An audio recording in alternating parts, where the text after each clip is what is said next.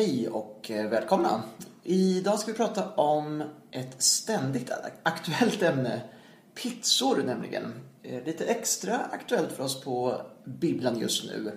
Eh, för det är så att vi nyligen öppnade, eller återöppnade som man kunna säga, Kallhälls bibliotek som har flyttat till nya lokaler. Och i samband med det så lanserade vi även en av kanske världens första bibliotekspizzor. Som nu, en vegetarisk pizza som nu serveras på en restaurang i Kallhälls centrum. Därför tänkte jag att det kunde vara läge att eh, gräva lite djupare i detta kära ämne. Och det är så att jag har en tes och sen har jag en liten undran.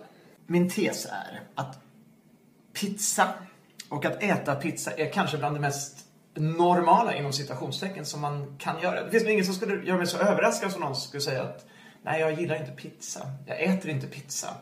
Någonstans ett, ett fundament både genom att man äter det men också liksom vilket gathörn man än befinner sig i samhället så, så finns det nästan en pizzeria där. Det är liksom någonting som är en, en central och viktig del i de flesta människors liv.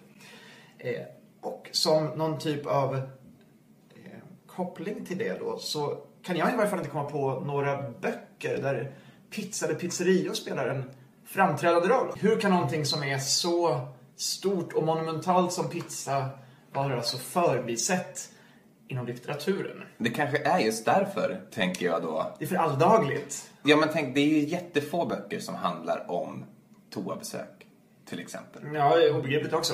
Alla gör det, alla har en relation till det, alla har också åsikter om vilken, vilka toaletter som är bekväma att besöka och inte bekväma att besöka. Men det är väldigt få diktsamlingar dedikerade till att utforska det här. Knausgård går på toan en hel del. Ja, Fast han äter ingen pizza. Fast han- det precis, jag tar inte en enda pizza på sex inte. Får läsa om tror jag, leta efter pizza. Det förefaller helt orimligt eftersom man hade gått igenom varenda detalj av sitt liv. Ja. Att det inte är något pizza. Ja, Pizza är väl dyrt i Norge jag så det kanske det kan ju vara det. Jag kan tänka mig att kapitlen åker över gränsen för att äta en pizza. Karlstad. Karlstad pizzeria. Men ändå som att det skulle utspela sig på bit. Det är klart att en hel bok handlar om pizzaätande kanske är inte så... Tänker förbi just nu alltså. Jag kommer på ett tv-spel, som är, eller dataspel som jag gillade väldigt mycket när jag var liten, som heter Pizza Tycoon. ah, när det. man slänger iväg va, över en disk. Nej, Nej, du, det. du driver en restaurang och ska baka pizzor. Och sen dels får du ju då komponera dina små pizzor på skärmen.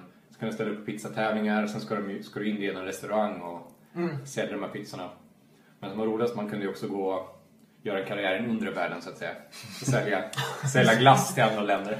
På så sätt tjäna pengar snabbare än dina konkurrenter. Det låter ju fan... När jag tänker på Teenage Mutant Ninja Turtles som ju var populära när vi var barn, 90-talet fanns väl åtminstone i någon sorts seriealbumform och där var ju pizzan, hade en stor roll. De älskar pizza. De älskar pizzor. det är grejen. Ja, men med, i, Det är väl det som är lite konstigt. Så här, jaha, de älskar pizza. Det är ju liksom ingen...